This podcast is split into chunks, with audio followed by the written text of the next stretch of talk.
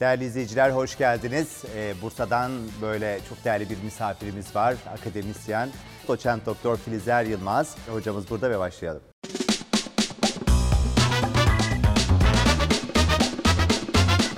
Hocam hoş geldiniz. Merhabalar Murat Bey. Ee, öncelikle e, nazik sözleriniz için çok teşekkür ederim. Evet sizinle aslında uzunca bir süredir tanışıyoruz, program yapıyoruz ama yüz yüze tanışma olmadı. kısmet olmadı. Çok mutluyum ben de bu nedenle. Evet. Burada olmaktan dolayı da çok mutluyum. Davetiniz için çok teşekkür ederim. Çok çok kıymetli benim için. Biz de öyle hocam. Ben zekaya çok hayran olan bir insanım. Siz çok zeki bir kadınsınız ve bu ekonomi işini bence kadınlar çok daha iyi kavurluyor. Çünkü zeka erkeklerden daha zeki oldukları için. Ee, dolayısıyla bunu başka türlü yorumluyorsunuz ve bunu beğenerek izliyorum ve geldiğiniz nokta da benim için çok sevindirici. Şey gibiyim yani Hande Yener nasıl hit kovalıyorsa, hiti bulursa ben de değerli akademisyen buluyorum. Armağan Çağlayan gibi diyebilirim ama Şaka bir yana hocam çok hani sağ olun. Nasıl gidiyor hayat? 82 yılında Aydın'da doğuyorsunuz. Doçentsiniz. Hep böyle kaderiniz Uludağ'da. Uludağ'dan bir türlü çıkamamışsınız hocam. Uludağ'da üniversitede lisans, yüksek lisans, doktora. Evet. Hala evet. da Ul- Uludağ'da evet, hocalık hala yapıyorsunuz. Uludağ'dayım. Evet 2000 yılında geldim e, Uludağ İktisat bölümünde ve 2004'te mezun oldum. Birincilikle mezun oldum. Oh. Fakülte üçüncüsü olarak mezun oldum. Ama hep hayalimde Murat Bey e, yani okula girdiğim ilk günden itibaren hep akademisyen olmak vardı. Bir hocamdan çok etkilenmiştim dersine girdiğimde ve o gün karar verdim. Pişman mısınız? hi- pişman değilim. Kameralar Yani kapatılabilir yok, hocam Yok isterseniz. hiç pişman değilim. İyi ki de bu meslekteyim. E, dolayısıyla elimden geldiğince naçizane yani en iyi şekilde yapmaya çalışıyorum.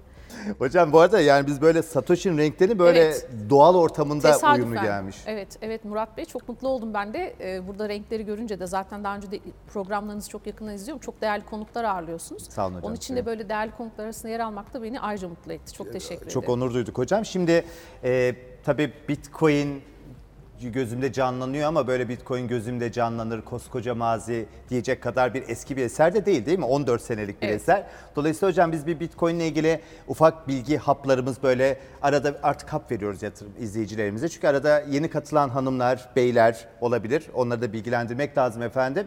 O zaman bu defa Filiz hocamın şerefine diyelim Bitcoin'de tarihçe kısmında 3 Ocak 2009 senesinde Genesis blok olarak adlandırılan ve başlangıç bloğu Satoshi Nakamoto tarafından oluşturuldu ve tabi bu tarihin için önemli ilk Bitcoin'in oluşturulduğu, e, bloğun oluşturulduğu tarih efendim. 2009'a geldiğimiz zaman 12 Ocak 2009'da Satoshi Nakamoto ile HAL arasında ilk Bitcoin transferi gerçekleşiyor. Yani 2009'da hocam. Bu teknoloji dünyaya kazandırdı ve anonim olarak kendini gizliyor. Ee, yani işin felsefesi gereği. Pavlo düşündüğünüz zaman Satoshi'nin yaptığı hamle doğru mu sizce? Şöyle söyleyeyim Murat Bey, evet yani e, Satoshi Nakamoto'nun neden ismini sakladığına dair bir takım e, ne diyelim aslında spekülasyonlar var. E, bu spekülasyonlardan biri benim de inandığım şu aslında. Şimdi yani Bitcoin'in ortaya çıkması ve işte sonrasında altcoin'lerin ortaya çıkması aslında bir nevi e, protest duruş demek çok yanlış olmaz. E, yani temelde şu var.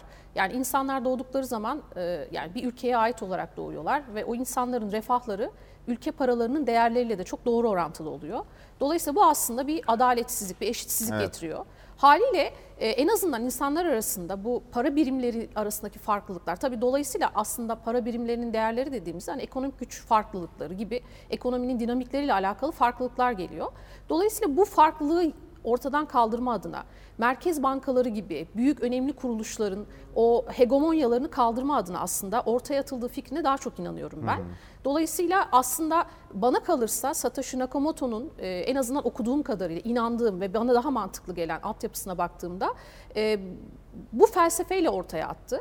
Tabii şunu bilmiyoruz. Kendisini şu an gizlediği için geldiği noktadan memnun mu acaba? Yani böyle bir şey hayal ediyor muydu? Bence memnundur. Neden memnundur? Çünkü e, kripto varlıklar başta Bitcoin olmak üzere ciddi bir sarsıntı yarattı. Başta 2020 ve 2021 olmak üzere diye düşünüyorum. Tabii bu arada şeyi de çok merak ediyorum. Satoshi Nakamoto'nun kim olduğunu çok merak ediyorum. Yani bu, bu noktada da inandığım şeyi söyleyeyim. Bana kalırsa bir Japon değil. Ee, yani isim itibariyle baktığınızda bir Japon. Evet Japonya'da yaşamış ama İngilizcesi çok iyi olduğu için biraz araştırdım çok merak ediyorum. Bu nedenle e, yani Japon olmama ihtimalini oldukça güçlü görüyorum. Çünkü şu neden Japonya'da yaşadığını nereden tespit ettiniz? okuduğum kaynaklar Ha, böyle kaynaklar söylüyor. söylüyor. Evet okuduğum kaynaklar yani şöyle söyleyeyim iki temel argüman var. Biri işte 1975 doğumlu e, kriptografik yani bilgisayar bilimcisi oldu ama Japonya'da uzun süre yaşadığı için böyle bir mahlası kullandığı yönde bir e, bilgi var. E, bir diğeri de işte Avrupa'da yaşayan ama Japon olmayan yine bir e, İngilizcesi çok iyi olan bir bilgi. Bana kalırsa da Japon olmama ihtimali şu nedenle güçlü. O 2009'da söylediğiniz makale aslında Bitcoin'i Evet. ortaya atan makale. Aslında Bu makalede teknik bir doküman değil mi hocam? Sadece Evet. eşler arası transferi ve o blok zincir sistemini anlatıyor. Evet. hani orada bir dönüşümden ya da neye evrileceğinden hiç bahsetmiyor aslında. Evet yani bana kalırsa Japonların milliyetçilik tarafları da güçlü olduğu için Japon olsaydı ama belki şu da olabilir. Japon olduğunu gizlemek adına da İngilizce yayınlamış olabilir ama dolayısıyla benim en merak ettiğim noktalardan biri bu. Hatta belki biliyorsunuzdur siz eminim hani çok yakından takip ediyorsunuzdur. 2011'in son e, çeyreğinde bir e, Amerika'da bir dava başladı. Dava bir dönem önce işte Wright var Avustralyalı e, mühendis. E, dolayısıyla e, onun elinde işte bu tam e, Satoshi Nakamoto'nun elinde olduğu kadar sanıyorum 1 milyon adet bitcoin olduğu söyleniyor. Dolayısıyla arkadaşının varisleri ona bir dava Evet. açıyor. Bu dava sonucunda bana kalırsa da belki biraz netleşebilir. Çünkü daha önce Wright aslında Satoshi Nakamoto olduğunu söylemişti fakat özür dilemişti. Geri adım atmıştı.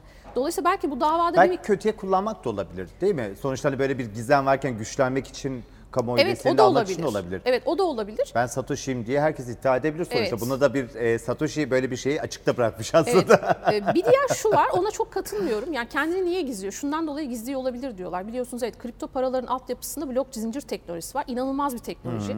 Bana kalırsa oranın çok konuşulması gerekiyor. Dolayısıyla bu blok zincir kötüye de kullanıldığı için ve yasal bir takım düzenlemeler olmadığı için işte kendisine belki bir takım cezalar, takım yaptırımlar uygulanabilir. Bundan korktuğu için de sakladığını düşünenler Ben de var. hiç ona katılmıyorum hocam katılmıyorum. değil mi? Yani Katılmıyorum Bey. merkeziyetsizlik gibi o blok zincir sistemi gözümüzde işte e, canlanıyor ki ekranda da görüyorsunuz şu anda. Yani o blok zincir sistemini düşünüp de kendini merkeze koyma koyma fikri çok bence zekice ve doğru bir yaklaşımla oraya koymuyor. Merkeze Evet. merkez diyor, sistem diyor Evet. ve Bitcoin diyor. Evet, çünkü merkeziyetsiz olmasını Evet. istiyor. Dolayısıyla kendisini merkeze koyarsa aslında o da bir nevi o kurumun arkasında olan. Amerikan dolarından da ne farkı kalacak o zaman hocam? Evet, evet. Değil mi? Evet, aynen öyle. Dolayısıyla ben e, ikincisine inanmıyorum. Ben ilkine inanıyorum çıkış felsefesi gereği. Çünkü şu mesele de önemli Murat Bey. Yani kripto para diyoruz ama bunlar bir para mı, varlık mı, bir yatırım aracı mı? Hani bu da bir miktar çok Sizce belirli ne? değil. Bence e, tam anlamıyla ortaya çıkış felsefesi açısından da düşündüğümüzde para değiller. Teknik olarak da para değiller. Neden? Çünkü geleneksel paranın üç temel özelliği var. İşte değişim aracı olması, tasarruf aracı olması, hesap birimi olması. Tamam bunu gelenekselle kıyaslamamanız lazım zaten. Yani en azından gelenek bizim para teorisi Şu anda öğrendiğimiz kısma kadar en azından bunu yapması Aynen gerekiyor öyle. Dolayısıyla bence varlık, ben öncelikle varlık arı, bir varlık olduğunu düşünüyorum. Ee, ama sonrasında da şu yönü itibariyle para olarak bakabiliriz Murat Bey. Bence gelin, yani geleceğin dünyası kripto paralar ve blok zincir teknolojisine dayalı dijital paralarla ilerleyecek diye düşünüyorum. E zaten görüyoruz dünyada bu konuda adımlar var. İşte Çin neredeyse tamamlamak üzere. Rusya bayağı bir ilerledi. E İsveç'te zaten adına hani dijital para denmese de bu sistem kullanılıyor. Dolayısıyla dünya buraya evrilmek zorunda. Mesela Amerika sürekli regülasyonla bu piyasayı tehdit ediyor. Niye tehdit ediyor? Çünkü Amerika dijital parayı da istemiyor. Çünkü doların o gücünün kırılacağını düşünüyor dijital. Dijital dolara bile çok sıcak bakmıyor Amerika. Çünkü elden ele o doların gücünün e, varlığının o nak- nakdin hissedilmesini de istiyor aslında. Az önceki söylediğiniz gibi klasik para teorisiyle Bitcoin'e değerlendiren ki sizi ben çok farklı bir yere koyuyorum. Hani birazdan neden koyduğumu da söyleyeceğim hocam ama yani ne kadar doğru? Yani burada öyle yapınca Bitcoin'e biraz haksızlık yapmıyor muyuz? Bir de Bitcoin bu blok zincir sistemini getiren bir sistem olduğu için sonrasında eninde sonunda Bitcoin'i bir anda değerini biz farklı bir şekilde konumlandıracak mıyız? Örneğin bir rezerv fixing aracı gibi ya da başka bir araç gibi konumlandırabilir miyiz? Tabii Murat Bey katılıyorum çok haklısınız. Yani e, çıkış itibariyle ki benim de inandığım felsefenin bu olduğunu söyledim. Asıl çıkış felsefesi itibariyle baktığınızda haklısınız. Fakat ismi kripto para olarak anıldığı için en azından her ne kadar geleneksel finans olmasa, merkeziyetsiz finans olsa da bu gerçekten para mı? Bizim kullandığımız şu an kabul ettiğimiz paraya benziyor mu açısından? Katılıyorum size. O nedenle de zaten amacı para olarak çıkmadığı için o nedenle de çok para olarak değil bir varlık olarak aslında katılıyorum. Haklısınız. Belki de bu kıyaslamayı hiç yapmamak gerekir diye düşünüyorum bu bağlamda. En azından eğer bu felsefeye inanıyorsak. Şimdi şöyle söyleyeyim elbette e, yani çok farklı bir yöne evrilecektir diye düşünüyorum. E, yani bir kere evrilme potansiyeli şu nedenle çok ciddi bir altyapıdan geliyor. Blockchain zinciri çok farklı bir teknoloji. Dolayısıyla hiçbir kurum olmadan çok hızlı bir şekilde, güvenli bir şekilde şifreleme yöntemiyle Birebir yapıyoruz hocamız. Hiç Evet. aracıya gerek yok. Evet, aynen öyle. Kameraman arkadaşımızı çıkarıyoruz öyle. Ve iş, işinde zaman çok hızlı. 7-24. Aynen. İstediğiniz dünyanın her yerinden gönderebilirsiniz. Bir maliyet yok, işlem Maliyet yok. maliyeti yok. Dolayısıyla genel olarak artıları ve eksilerine baktığınızda evet artıları çok oldukça güçlü. E, blok e, zincir teknolojisinin oldukça güçlü. Dolayısıyla bunun getirdiği, şunu da söyleyeyim blok zincir teknolojisi sadece kripto paralarda kullanılan bir teknoloji değil. E, o kadar farklı alanda kullanılıyor ki blok zincir teknolojisi. Muhasebe alanından tutun işte matematik alanına Hocam kadar, her şey sağlık bence alanına kadar. kayacak gibi. Evet. Değil mi? Şey bana çok enteresan gelmiş. Örneğin siz bir bağış yapıyorsunuz işte ya da ben. O bağış ben gerçekten Türkiye'de bir şey yaptığınız zaman hep bir soru işareti ve güven e, bunalımı yaşıyoruz ama e, o bağışın bağış yaptığımız yere gitti mi gitmedi mi diye kafamızda bir soru işareti illaki kalıyor. Evet. Ama blok zincir üzerinden eğer o vakıf ya da dernek bağış topladığı zaman hocam blok zincir üzerinden direkt gördüğünüz zaman bağışın direkt karşı tarafa vakfa gittiğini görüyoruz. Dolayısıyla hani o çok suçlanan bu sistemle kara paranın finansmanı Evet. işte bilmem ne illaki yapılanlar vardır, yapanlar vardır ama bu bankacılık sisteminde de vardı hocam. 2008 öncesinde sanki dünyada hiç yani Bitcoin öncesi kara Evet. para finansmanı yok muydu? Dolayısıyla ben e, bunun bu anlamda güvenli olduğunu düşünüyorum ama bir taraftan da böyle dijital kapitalizm gibi de geliyor yani. Beni korkutan da bir taraf oluyor. Kesinlikle öyle Murat Bey. Yani e, süreci iyi yönetmek gerekir diye düşünüyorum. Çünkü e, inanılmaz bir teknoloji var. E, işlemleri hızlandıran değişik bir teknoloji. Dolayısıyla elbette ki bu e, olumsuz anlamda ya da bir takım grupların veya kişilerin çıkarlarını maksimize etmek adına elbette ki kullanılacaktır diye düşünüyorum. Mesela bu konuyla ilgili işte bundan yaklaşık bir sene önce bir yazı yazmıştım. Özellikle bu kripto paraların artıları ve eksileri. Yani bir yön itibariyle baktığınız mesela istihbaratta, istihbarat e, dünyanın her yerinde inanılmaz bir şekilde işte dünyanın bir başka ülkesinde eğer bir operasyon yapacaksa bu operasyonu e, işte tır içinde paraları göndererek değil de blok e, zincir algısıyla gönderebiliyor. Ama dediğiniz gibi bir taraftan da farklı suçlarda da E, kullanılabiliyor. öncesinde ne nasıl geçiyor? Dünyada terör yok muydu hocam? Evet aynen Değil öyle. mi? Yani size. düşünün yani bu geleneksel tarafı şey anlamda söylüyorum. Yani siz- size şu söylediklerinize bir karşı gibi lütfen yok, yanlış yok, anla- estağfurullah. anlaşılmak da istemem ama yani 2000 öncesi dünya güllük gülistanlıktı. İnsanlar dem, ileri demokrasiden böyle çok vakit buluyordu. Sanat ilerlemiş işte orta gelir tuzağı yok bilmem ne bir dünya Evet, yoktu. Her şey evet. değil mi? Yine Evet, vardı yani evet. bu sorunlar. Ben şuna inanıyorum. Regülasyonların özellikle başta Amerika olmak üzere gelen regülasyon mesela Çin 2011'de aslında mesela Bitcoin'in e, ciddi anlamda e, aşağı gelmesine sebep Çin'in getirdiği yasaklamalardı. Peki Çin niye bu yasaklamayı getirdi? Çünkü dijital yuanı uygulamaya koyacaktı ve onun önüne geçmesini engellediği için aslında Çin böyle bir e, regülasyon kararı aldı. Amerika'ya bakıyoruz. Amerika o kadar yavaş gidiyor ki bu işte. Hem biraz önce söylediğim gibi kripto tarafta hem Bitcoin tarafında. Euro daha hızlı gibi. Dijital Euro ile Panetta ile ilgili açıklama yaptı ama Amerika'dan hiç haber yok Evet çünkü gibi. şey biraz önce söylediğim gibi yani politik bir takım e, meseleler ön plana geliyor. Hatta şöyle söyleyeyim Murat Bey şöyle bir durum da var. Mesela normal paranın çıkış serüveni, geleneksel paranın çıkış serüvenine baktığınız zaman ilk olarak aslında ticari bankalar bu normal parayı basıyormuş. Sonra demişler ki yok hani çok farklı e, banka var. Hepsi farklı farklı basıyorlar. Biz bu işi ne yapalım? Merkez Bankası'nı kuralım, para bassın bize. Aslında merkez bankalarının ortaya çıkışı bu. İlk İsveç'te kuruluyor.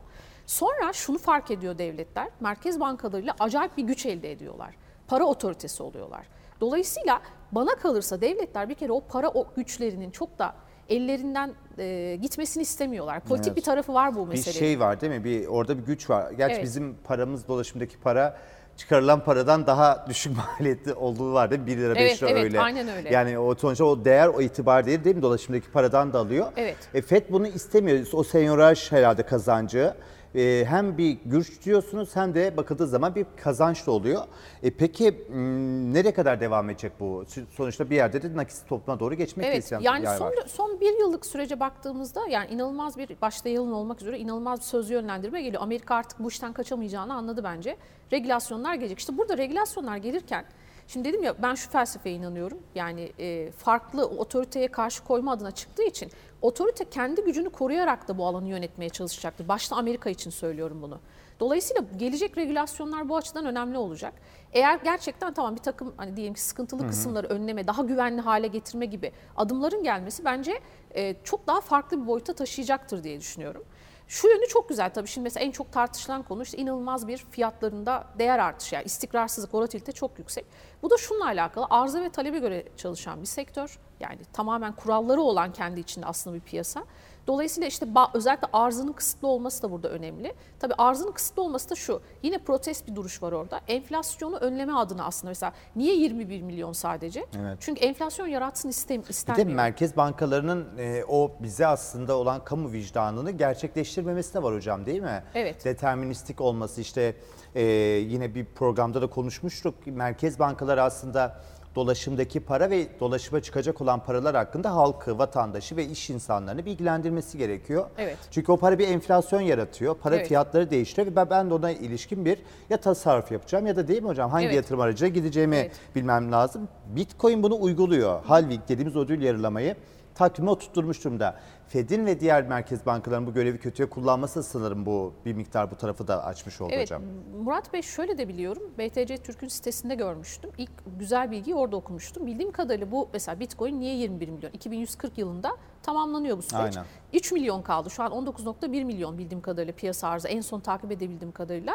Ee, bir miktar teknik meseleyle alakalı. O iki- 9 Ocak 2009'daki makaleye baktığınız zaman e, ödül paylaşımı ve sanırım bloklar var. O, onu çarptığınız zaman Evet. 20.999 milyon gibi bir şey çıkıyor ortaya. Dolayısıyla teknik bir tarafı da var bu işin. Evet. Yani isteseniz de anladığım kadarıyla bu sistemi çok bilmiyorum ama daha fazlasını üretemiyorsunuz. Üretemiyorsunuz, Bir- tabii. Bir, bir, bir kısmı teknik bir kısmı da zaten e, yani birazcık da dediğim gibi hani bu protest tavrıyla da alakalı diye düşünüyorum. Şimdi evet mesela Fed meselesiyle bağlayalım. Şimdi Fed çok eleştiriliyor.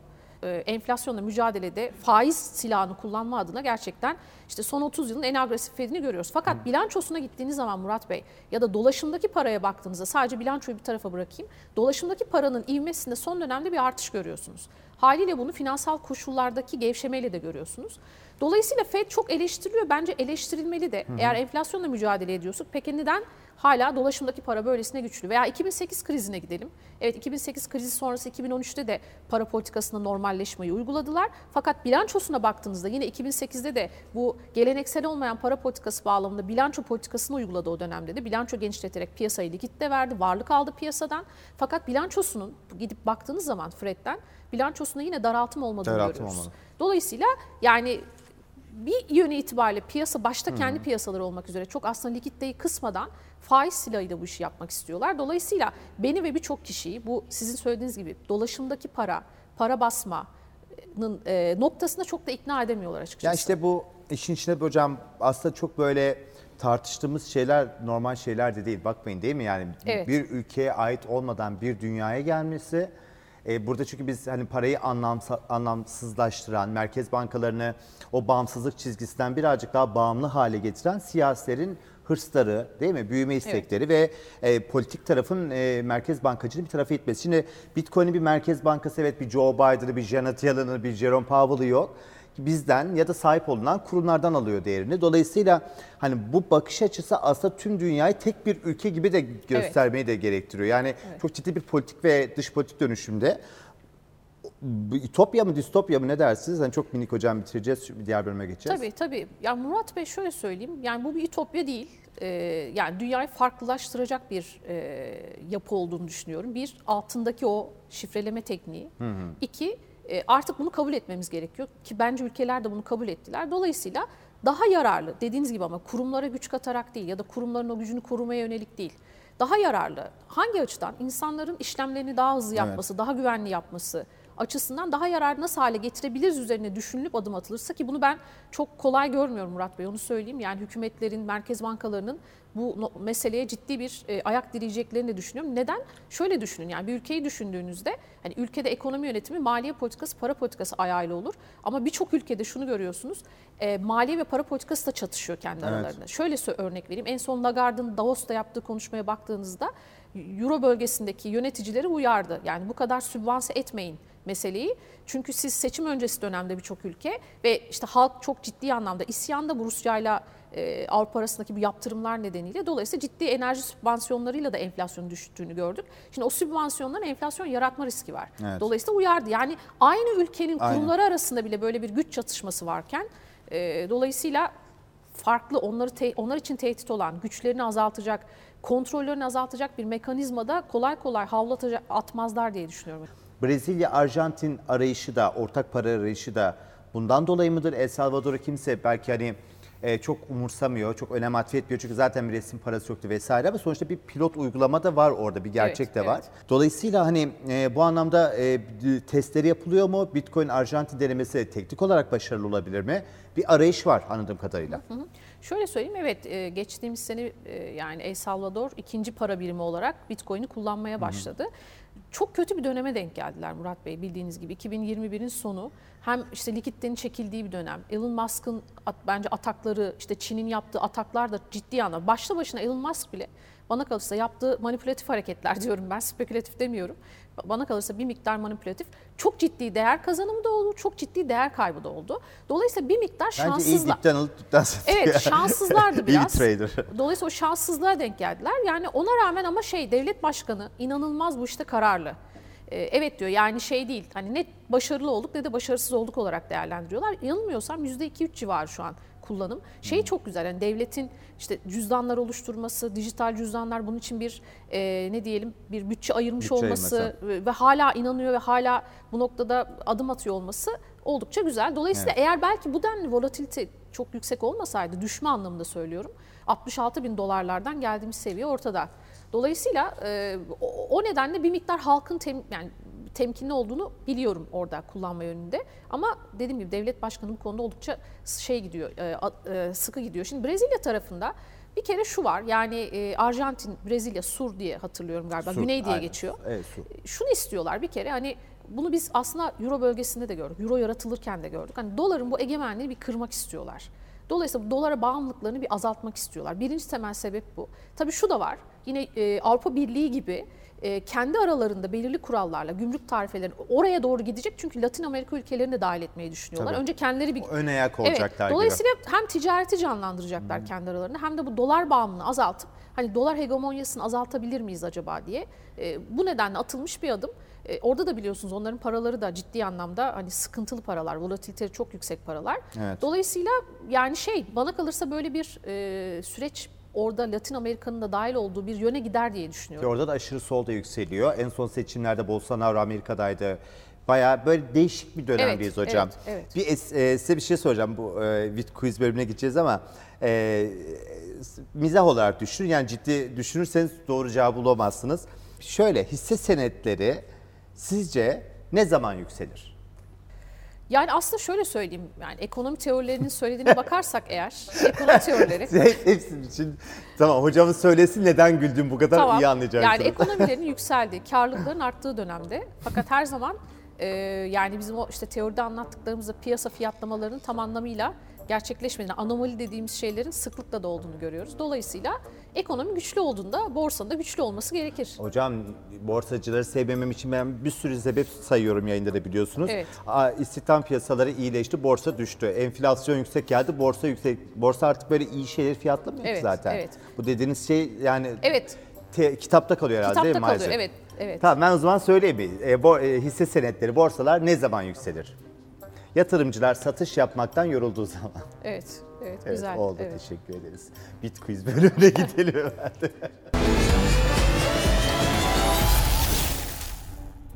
Yani güldüremedim geleneksel piyasa, e, siz böyle kendi piyasalarınızı hiç laf söylettirmiyorsunuz hocam yani. Yok, Aile Bey menkul değerlerin baş ekonomisti olarak. Yok, e, yeri geldiğinde ciddi eleştiriyorum. Öyle mi E, diyorsunuz? Evet, yani ciddi ortodoks olduğumu söyleyebilirim yani genel olarak ama e, eleştirilecek özellikle bu, bu işin içine son iki yıldır çok ciddi aktif piyasa içindeyim. Takip etmeye çalışıyorum diyeyim naçizane.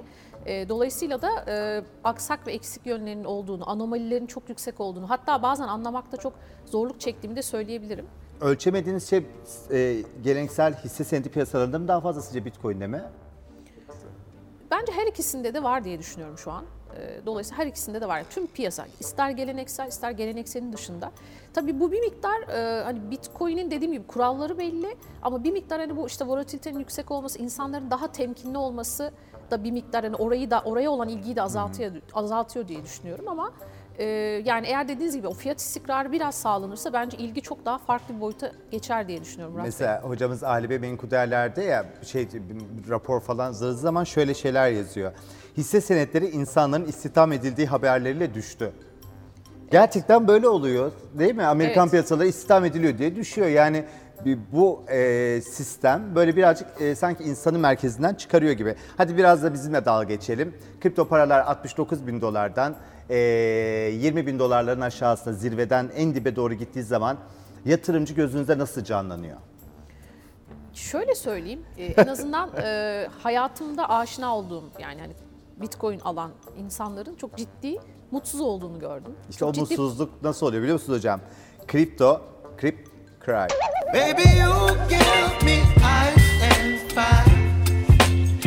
Seviyorum bu esprileri de bir türlü hocamızı güldüremedim Evet. ama yani. Hocam e, siz e, şöyle söyleyeyim. Kripto paralara da bakıyorsunuz. Hisse senetlerinde. E, portföy çocuğunuza Yiğit'e yatırım yapmak isteseniz ağırlıklı olarak 20 sene sonra inşallah Allah izin verirse üniversite okuyacak. İnşallah. Değil mi? 20 sene, 17 Evet, sene evet, sonra falan. yaklaşık. İnşallah. E, günleri ne, ne biriktirirsiniz? Bitcoin mi biriktirirsiniz? Daha çok ne yaparsınız yani? Çocuğa sepet yaparsınız herhalde. Kesinlikle Murat Bey. Sepet yaparım ve bu sepet içinde e, yani il- ilerleyen dönemlerde kriptoya daha çok ağırlık vereceğimi düşünüyorum. E, Evet biliyorsunuz son dönemde bir takım olumsuzluklar oldu ama toparlıyor piyasa. Fed'e biraz bağlı biliyorsunuz. İşte Fed'in bu son dönemde yani daha agresif gitmeyeceği fiyatlamasıyla Bitcoin'de izler gülüyor. Dolayısıyla şöyle söyleyeyim ben Bitcoin'i şöyle takip ediyorum. Hatta birçok piyasa uzmanının öyle takip ettiğini görüyorum. İnanılmaz bir risk iştahı ölçümü aracı bence. Eğer risk iştahı arttı mı azaldı mı bakmak istiyorsanız Bitcoin'e bakın. Risk iştahını inanılmaz seviyor, likiditeyi inanılmaz seviyor. Dolayısıyla Bitcoin yükseliyorsa risk iştahı yüksek. Düşüyorsa risk iştahın düşük olduğu olarak da takip ettiğim önemli göstergelerden biri. Dolayısıyla e, ilerleyen dönemde sadece benim değil bence dünyadaki birçok daha geleneksel olarak daha ortodoks nitelendirdiğimiz ya da işte bu merkeziyetsiz finansa daha mesafeli kesimlerin de e, gelecek bu adımlarla birlikte daha olumlu bakacağını düşünüyorum. Dolayısıyla zamanla bence çok farklı bir boyuta geçeceğini ve e, finans dünyasını da çok değiştireceğini düşünüyorum. İnanıyorum Murat Evet. Bey. Hocam çok teşekkür ederim. Ben çok teşekkür ederim Murat Bey. Yani e, sizinle tanışmak çok büyük e, mutluluk ve onur Aynen, oldu benim, benim için. için öyle hocam, Ayrıca buraya davet etmeniz e, beni çok çok mutlu etti. Çok kıymetli benim için. Bizim ben için çok öyle. teşekkür ediyorum. Biz teşekkür ederiz. Gelecek bölümde tekrar görüşmek dileğiyle sorularınız, önerileriniz, e, her konuya dair fikirlerinizi bekliyoruz efendim. Görüşmek dileğiyle.